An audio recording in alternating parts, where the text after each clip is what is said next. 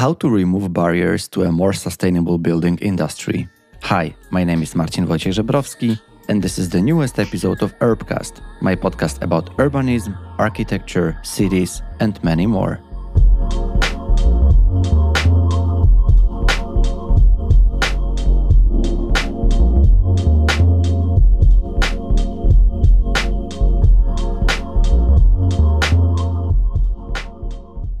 Removing barriers in a more sustainable building industry is crucial in tackling climate change. The Council for Sustainable Building is working towards creating a healthy and durable built environment with minimal climate impact. Through developing certification systems, offering education and training, and leading development projects, the Council is promoting sustainable practices across the industry. The Council gathers a lot of stakeholders a lot of different companies that work with designing our cities to push the agenda for more sustainable development, to secure that the, the buildings we've built and the developments that we do are harming our planet less and less.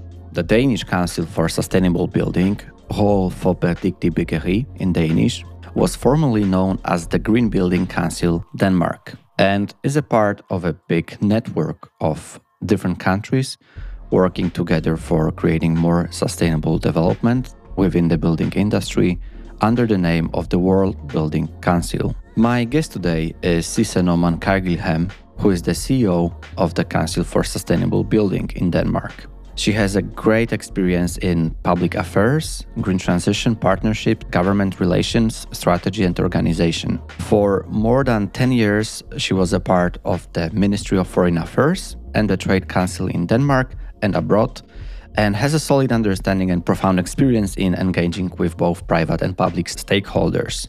Today, I ask Sisse what is the role and the tools of the Danish Council for Sustainable Building, what made her change her career and be involved in the building industry? How do the building certification systems work? For example, DGNB. What can be a game changer to achieve more sustainable building industry? And will future urban developments be harmless to the planet? And what is the role of comfort in all of that? If you are eager to learn about the benefits of collaboration, the Council's work, Sisse's involvement, and learn how to make the building industry more sustainable, you are in a good place. Welcome to the newest episode with Sisse.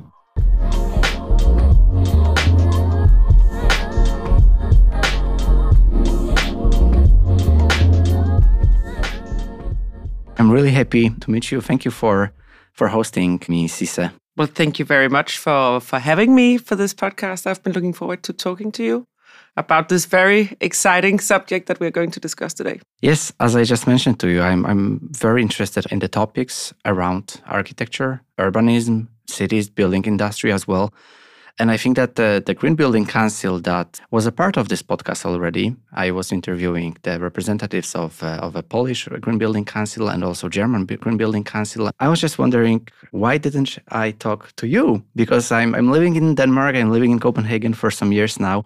And I think that Denmark is a country that is really like forward leaning if it comes to sustainability. Mm-hmm. And it would be great to get your perspective on that, especially that we are talking just a couple days after a big change that happened here. Can you share uh, something more about this big change for you and what does it mean? Of course, I'll be happy to do that. Last week, we had the uh, great pleasure of uh, revealing our new Danish name. We are still the Green Building Council Denmark when we are abroad, because as you said, there are other green building councils worldwide that we also work closely with.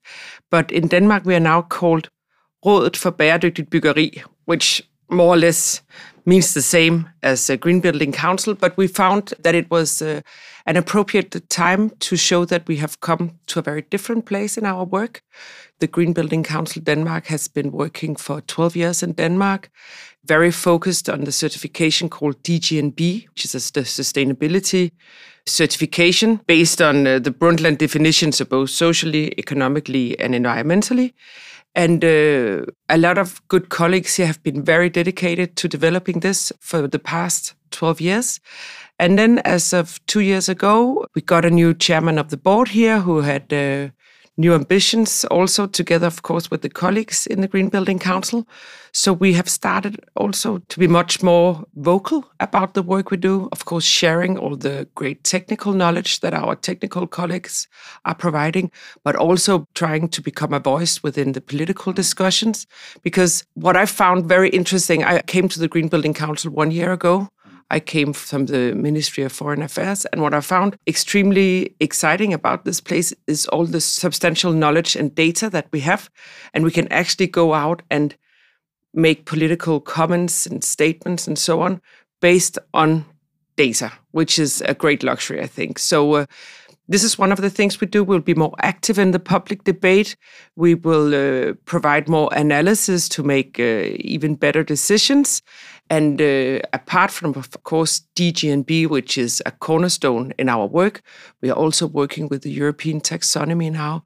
So the change of name signals that we are doing the same as before, but also a lot more. And we would really want to uh, to use all this knowledge to make informed decisions by politicians and others. So uh, we find it very important to be out there and uh, and speak the case of uh, more sustainable ways of living. You've mentioned uh, your previous experience with uh, the Ministry of Foreign Affairs. I was actually curious while preparing for this conversation what made you to make this change, this transition to to the Green Building Council. Was there like an element that made you make this transition? Were you always interested in cities and architecture, or was there something else? I think what really got me curious about the Green Building Council is the fact that I see a lot of potential here. You know, buildings and in Denmark are accounting for 30% of the CO2 emissions.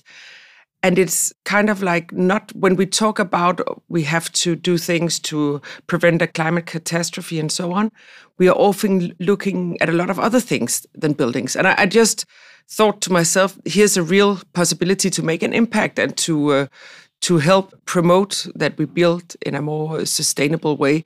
So it was actually the um, the great wish to be part of something that uh, where you can uh, provide a, positive change and a huge potential. Because of course, being responsible for thirty percent of the CO two emissions is a huge liability, but it's also a huge possibility because if we can provide solutions of how to reduce these emissions, it is also a very good possibility for export and providing other countries with the with solutions. So I I think I was intrigued by the big possibilities I see in this uh, area of work.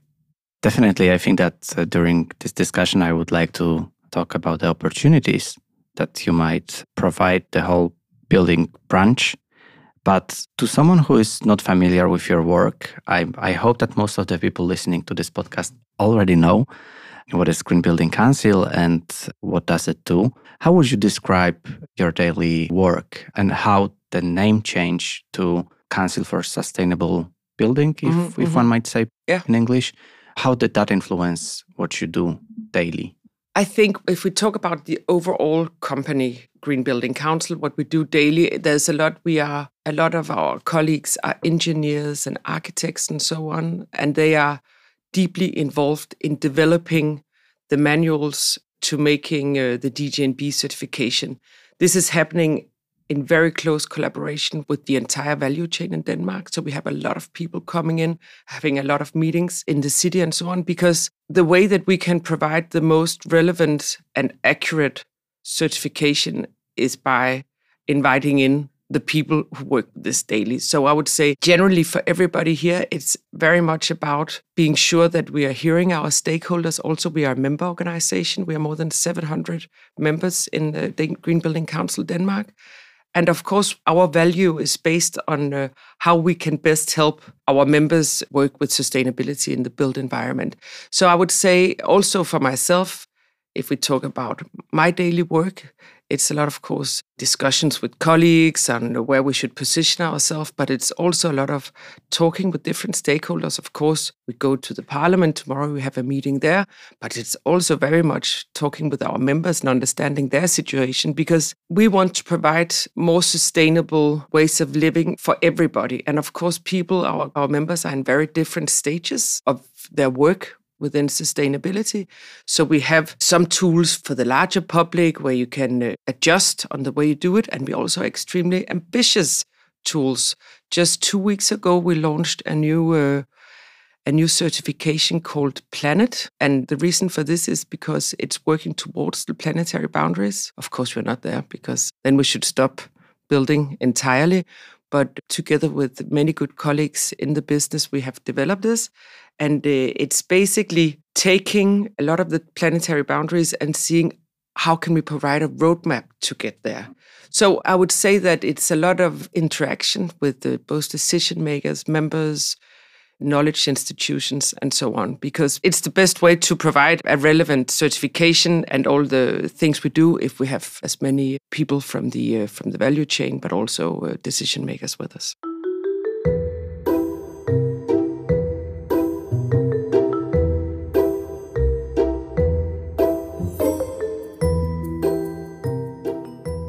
But 700 members is a big number, I need to say. And I wonder how can you make sure that you share the same values and that you share the same message with the world, right? Because as I assume, there are different architecture offices, there are engineers, but there are also different stakeholders, also from the material production branch as well.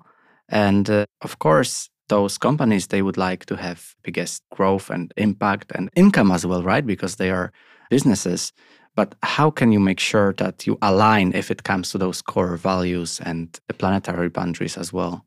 We, of course, are here for our members to provide them the best possible service, but we are a non for profit organization with the objective to promote sustainability within the built environment.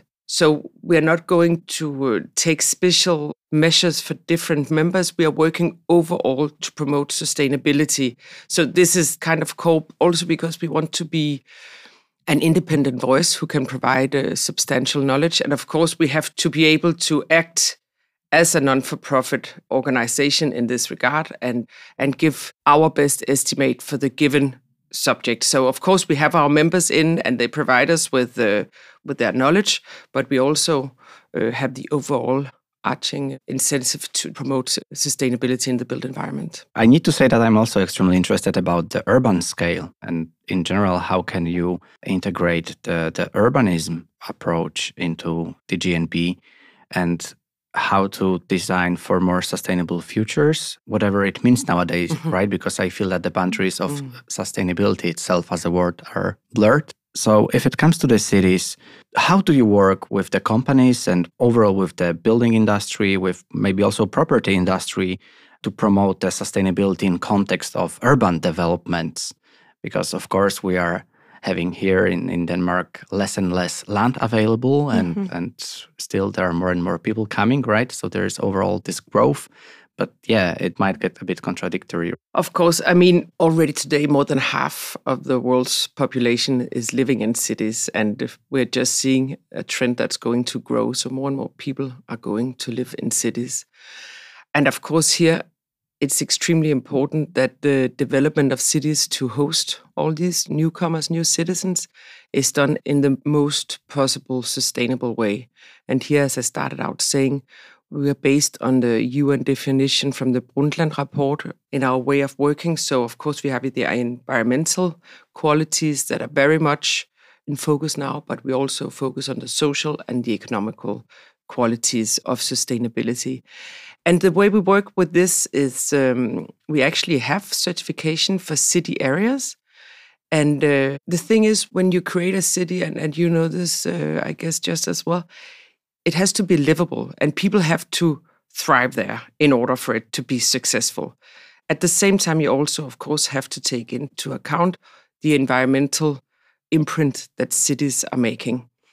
But um, our focus is very much on the transformation and renovation of existing properties, trying to find new ways to do that.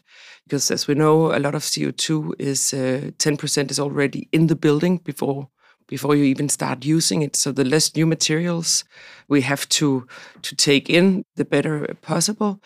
And uh, when we measure with the with our city DGNB for cities, we also look into, for example, measures as uh, access to public areas This, of course, provides uh, something for the people living there that they have access to uh, to public areas.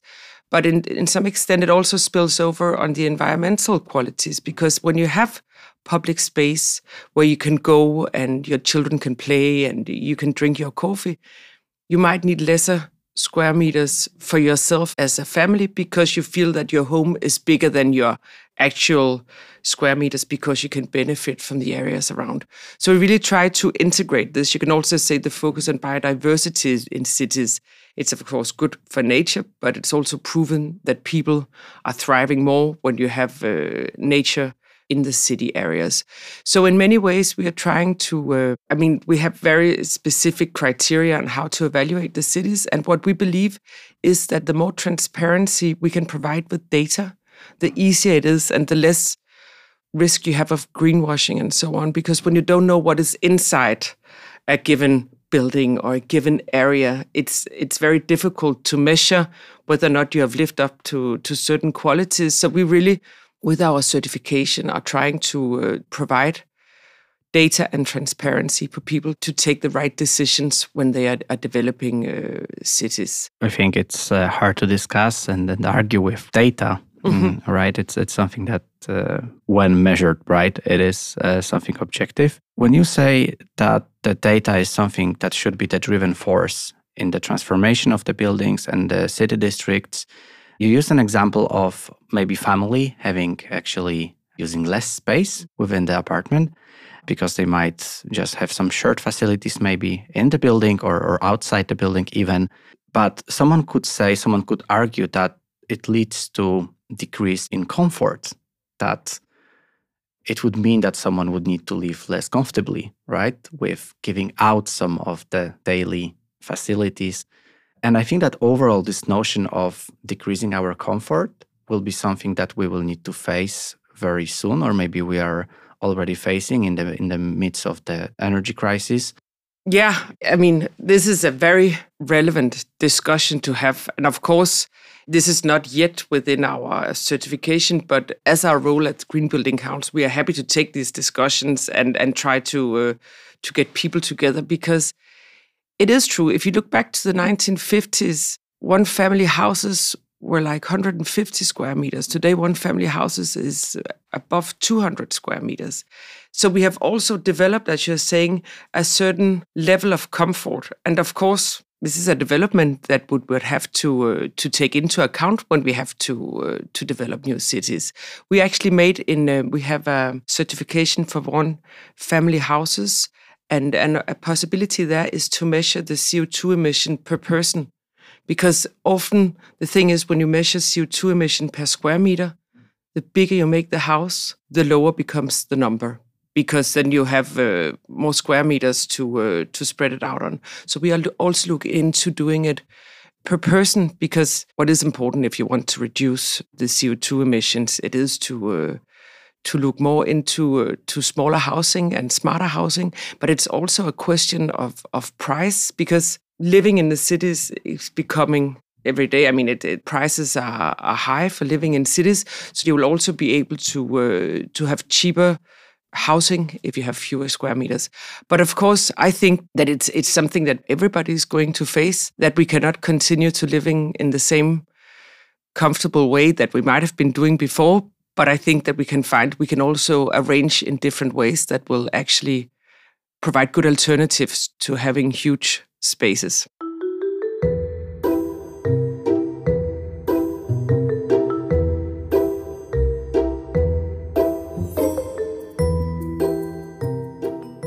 What will be the role of certification in all of this? We've mentioned a couple of times the, the GNB certification system. How can it help to promote this sustainable living and, and high quality urban development. Maybe you could also just briefly tell us to all the listeners how does this certification system works in general mm-hmm. so everyone is on the same page sure. i'll be happy to as i said you have the possibility of working with all three qualities of sustainability so you have the social the economical and the environmental so for example for the uh, environmental you look at your life cycle assessment. You'll look at water circulation, how you can reuse drinking water. You have land use also. How do you how do you use the land? Biodiversity. Then also you have a focus on healthy materials, indoor climate, accessibility, mixed housing. So you have both private and, and public housing and so on. So actually with this certification, you can get it's like a point system where you can uh, where you want to get the most points possible and you can adjust on these different variables in order to to get these points. So it's working as a, a way to measure how you can do sustainability and you have specific tools. At this very moment we are working on uh, something called lc cities. It is like the like LCA, the like life circle assessment, but made as a tool for urban planning. We're doing this together with the Aalborg University, uh, Rambøll, and Dansk Byplan Laboratory. We think this will be a good way to measure on a city scale. And then we are also working on a starting tool which aims to improve the discussion and decision making in the early stages of city planning and urban development. The tool targets the collaboration between the municipality, the developer, and the advisor in order to have an informed discussion. Because what we could also see with DGNB and certification is the earlier in your planning that you're actually looking into this, and the more information you have, the less expensive and the more smooth the process is going. So it's really to to sit down with all involved players in the beginning of the process and saying, okay, how can we do this? And we are working to develop at this very moment, and we hope we'll be able to publish it in. Uh, in the in the summer this year. So these are some some of the ways that we do that. So it's a lot about providing tangible information, tangible solutions so we can turn sustainability from something that can be a bit abstract. And when we talk about the Paris Agreement and 1.5 degrees, I don't think a lot of people have an actually idea of how to get there. Mm. We are trying to provide tools that can help you adjust to more sustainable ways of uh, of developing a city. Not saying that will be within the boundaries of the Paris Agreement because that's a different talk, but you have to be able to adjust what you're doing in a more sustainable way. And we provide the actual tools for this. So it's very much a process of uh, understanding the various measures, having the discussions with everybody involved so you can take informed decisions when you do your city planning. Do you think that certification is the best way to achieve sustainability in the built environment nowadays because there is some criticism mm. about uh, the certifications right that uh, it might lead to some greenwashing because there might be some developers uh, just aiming to get the stamp or the, the emblem of the certification but then not providing the real sustainability. Do you see those threats? Certification is a tool to take informed decision. DGNB has been developing since it first started in Denmark 12 years ago. So we have the entire value chain. We have discussions with them every year to develop new measures. And you can't compare the DGNB of today with the one 12 years ago. It's a completely different standard. So we are continuously improving this in order for it to be a real tool that can provide real solutions. Certification is one way of uh, providing solutions to build more sustainably. But what we also see as a very important new factor is the EU taxonomy, where you have to uh, categorize the financial flows. Either they live up to taxonomy or they do not. And this has an effect on the entire value chain also in the built environment because all of a sudden you actually have to provide data on what is inside your buildings or inside your portfolios. And this also in our regard will uh, promote sustainability because when the money is starting to make this kind of request then it has a very huge impact. And we can see that many of the demands from the taxonomy are the same that we're using in DGNB. Mm. So we have an advantage because we have been training for this for 12 years to provide this kind of transparency within data. And what is really interesting, I found, is that uh, during the last year, the new members we have uh, gotten in our organization is many lawyers and financial institutions. And it says something about the built environment and uh, and the impact it has when you start to have different kind of players as members. Previously, it has traditionally been the advisors, architects, material producers, investors, and so on. But now we really see a shift, and it says something about what we are looking into now with the EU taxonomy. And we are working very closely, namely with our EU colleagues in the Green Building Council in Europe, to provide the commission with solution of how to make the technical screening criteria in order for it to be uh, mm. to be able to implement it outside in the business so this is something we are very much involved in and uh, we're very dedicated to develop tools for the taxonomy so that everybody can access it and handle the demands from the taxonomy because mm. even though that right now it's only the very big companies who need to report on taxonomy it will have an influence on the entire value chain because even as a smaller player when you have to take up loans and so on this will be into play so uh, so our mission uh, in this these coming uh, months and years is really to provide the best possible tools mm. to make the taxonomy what it is supposed to be something that turns the investments into more sustainable investments and uh, and provide everybody with tools for this. So it i think it's a very exciting time to be working with the building industry because a lot of stuff is happening. And if we play it right we can really help move everything in a more sustainable direction. So would you say that maybe one day it will be possible? Because before you've mentioned that you know the more sustainable building is the one that wasn't built, right? Mm. That maybe we shouldn't build the buildings at all. But do you think that we will be able to reach a level in which the buildings that we, the buildings, but not only the buildings, but also the urban development that, that we introduce to our cities, that it will be such a sustainable, taking into consideration all the numbers, of course, such a sustainable development that it will do so little harm to the planet that we will be able to carry on with that development. And by the same time, reach the Paris Agreement goals or other climatic goals? It's a very big question because I sincerely hope that we are moving in that direction. Yeah. And I think that we are seeing a lot of the big players who are increasingly taking this very serious, also helped by the taxonomy, but also motivated by a wish to save the planet. And I see if we just look within the last couple of years and the new solutions that have been provided and the new ways of doing things, I'm hopeful. I mean, I think I am also a realist, so it will take it. It's not going to be something easy. We will all have to uh, to make sacrifices by the number of square meters or something like this. But we see solutions with new materials, new ways of building, focus on transformation of existing buildings and so on that should help us get in this direction. The DGNB planet that we developed is taking the first step in a roadmap to get to, to being Paris compliant and within the planetary boundaries. And uh, we have a lot of interested colleagues out in the business for this, which also gives me a lot of hope that people are like, okay, it's going to be extremely hard to build within these boundaries. But we also see a lot of people who are actually willing to give it a try and thinking of new ways. And I'm very hopeful also for the younger generations mm. because I see quite a few uh, of uh, younger architects, engineers, but also just the young generation in general who are not taking no for an answer, who are going to ask for new solutions. So I think there's a lot of things right now that uh, could make it possible, but mm. we will really have to, uh, we're not going to get there sleeping. We will have to adjust a lot of things.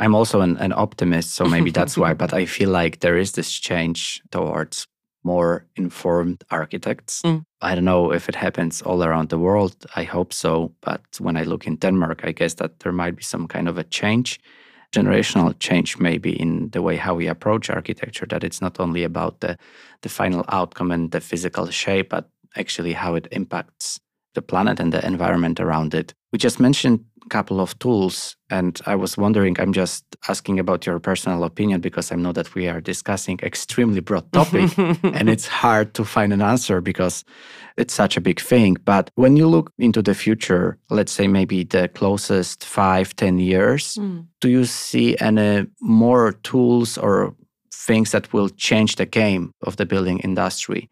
Do you think that it will be maybe EU taxonomy that will be taking the lead in those? Or maybe there is something that we are not aware of yet, but will just change the, the industry? I think, but this accounts also for other industries. I think the EU taxonomy is a great kickstarter. Mm. I also believe it's it's not enough, yeah. but it's it's making people aware of what it means to work with sustainability. So it's a great first step, but we also have to push mm. a lot behind the taxonomy. I think that because it's going to be driven by the money flows, that's always a very good place to start because then the rest of the value chain tend to follow. I think that we have to make uh, people much more aware of what they can do with their own homes and the the impact they actually have in this way, the decisions they can make. I think we are all aware of that flying is very bad and mm. that eating red meat is not very good either. But our buildings account for 30% I would be very keen for people to actually understand the power they have in demanding when they are going to get a new kitchen. Okay, do I need to take everything out? Can I actually refurbish some of the old kitchen?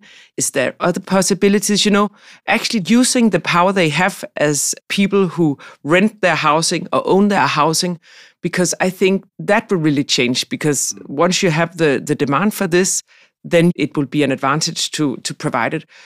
And I am an optimist by nature. I really am. So I have a hope and I believe that we will get in that direction. And the more informed everybody get, the more precise demands we'll be able to put down. Because right now it's also because we don't know as a house owner or as a renter, you don't know what you can ask for. You don't know which impact the different uh, things have.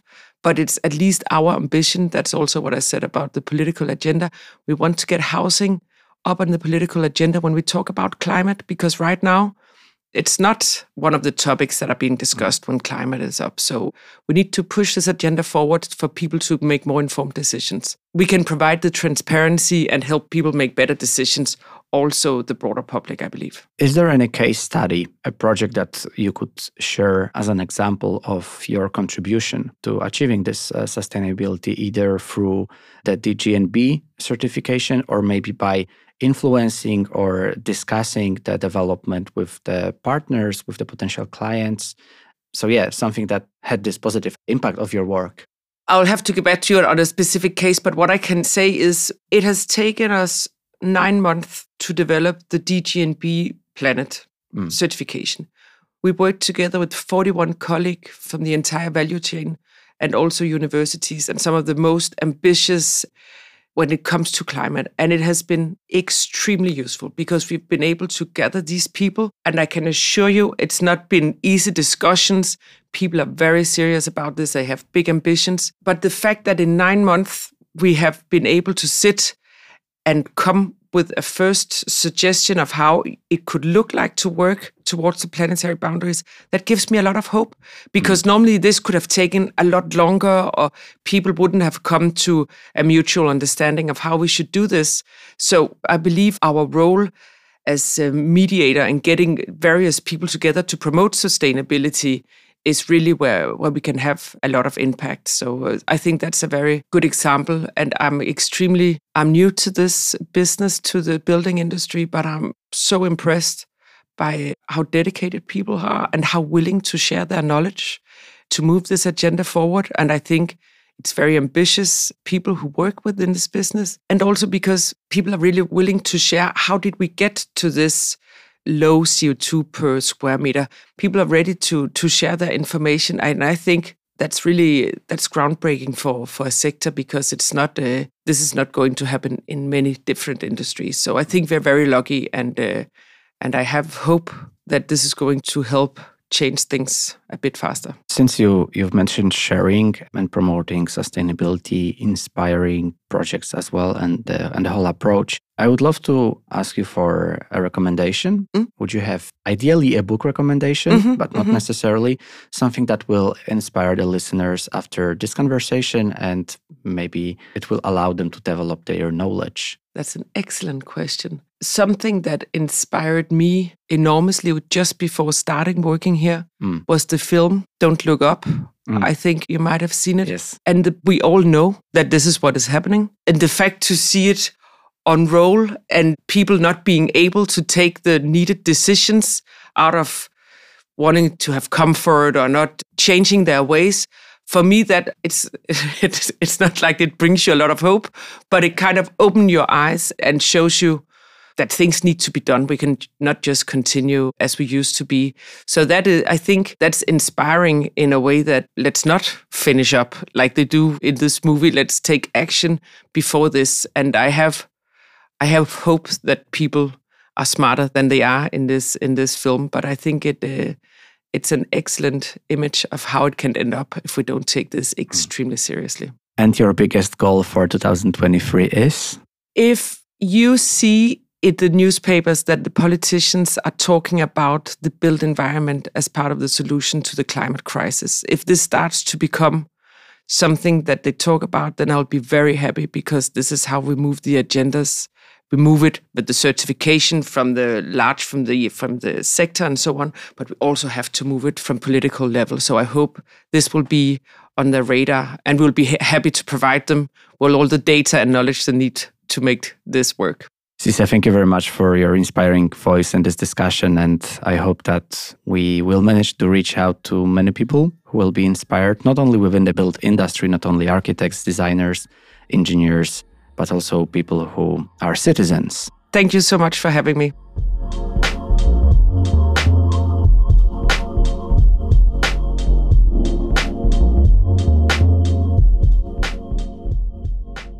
Thank you for listening to the newest episode with Sisse, the CEO of the Danish Council for Sustainable Building. I hope that it was helpful and that it made it a bit more clear if it comes to all different certifications. And in general, how can we make the building branch a bit more climate and planet friendly? I believe that it is possible, but there is a very, very long way in front of us. If you would like to develop this topic, feel free to contact Sisse or me if you would like to take this discussion further. You can also follow Urbcast on LinkedIn, Facebook, and Instagram. You can as well join the bi-weekly newsletter on my website at urbcast.pl slash en for English. Talk to you in English in two weeks.